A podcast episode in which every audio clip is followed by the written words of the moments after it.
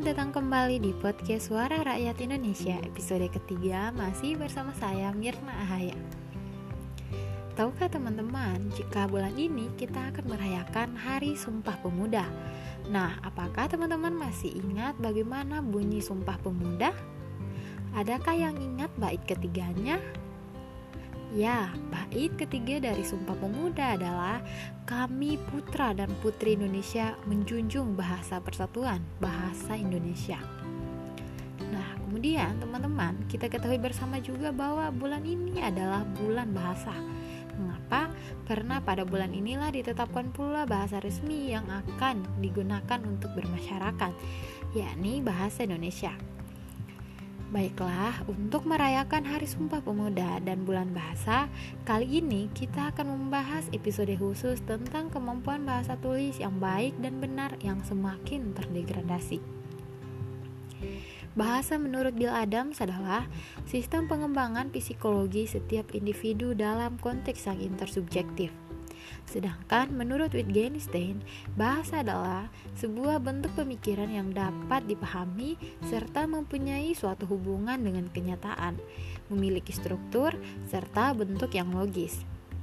Bahasa yang benar adalah bahasa yang sesuai dengan kaidah bahasa baku, baik kaidah bahasa baku lisan maupun kaidah bahasa baku tulisan. Nah, bahasa baku tulisan merupakan bahasa yang dihasilkan dengan menggunakan tulisan atau rangkaian huruf sebagai unsurnya.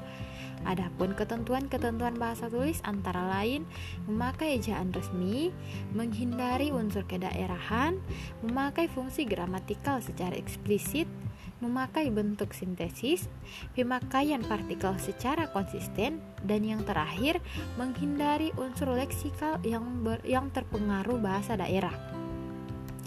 Bahasa Indonesia sebagai bahasa nasional yang berfungsi sebagai alat komunikasi mempunyai peran sebagai penyampai informasi. Kebenaran berbahasa akan berpengaruh terhadap kebenaran informasi yang disampaikan. Pada kondisi tertentu, seperti pada situasi formal, penggunaan bahasa Indonesia yang benar menjadi sebuah prioritas yang utama. Ejaan yang digunakan dalam bahasa Indonesia saat ini dikenal dengan sebutan ejaan yang disempurnakan atau EYD. Meski bahasa Indonesia merupakan bahasa yang sudah kita ketahui bersama sejak lahir, namun pada kenyataannya penggunaan bahasa tulis yang baik dan benar masih sangat rentan dengan kekeliruan. Bahkan, bahasa tulis semakin terdegradasi hingga saat ini. Adapun penyebabnya antara lain, pertama, banyaknya bahasa daerah ataupun bahasa ibu. Indonesia terdiri dari ragam suku, agama, adat, budaya, bahkan bahasa. Dalam satu daerah pun, bahasa daerah ataupun bahasa ibu bisa mencapai 10 bahasa. Badan Pengembangan dan Pembinaan Bahasa serta Kementerian Pendidikan dan Kebudayaan mempublikasikan data bahwa saat ini terdapat 718 bahasa ibu yang sudah teridentifikasi di Indonesia. Kemudian penyebab keduanya yakni masih minimnya kesungguhan belajar bahasa tulis yang baik dan benar sejak SMP ataupun SMA. Berdasarkan data laporan hasil ujian nasional SMP negeri dan swasta secara nasional dari 3.441.815 orang peserta ujian nasional, peserta yang rentang nilainya dari 7,00 hingga 7,99 hanya 32,86 persen, sedangkan yang memperoleh nilai 10 hanya 0,02 persen. Kemudian, di tingkat SMA maupun madrasah aliyah pada jurusan IPA, hasil UN ataupun ujian nasional yang rentang nilainya dari 7,00 hingga 7,99 adalah 40,6%. Sedangkan jurusan IPS yakni 28,2%. Dan dari jurusan bahasa hanya ada 30,7%. Kemudian yang meraih nilai 10 di jurusan IPA dan IPS tidak ada. Sedangkan di jurusan bahasa hanya ada enam orang dari jumlah peserta 43.688 peserta ujian.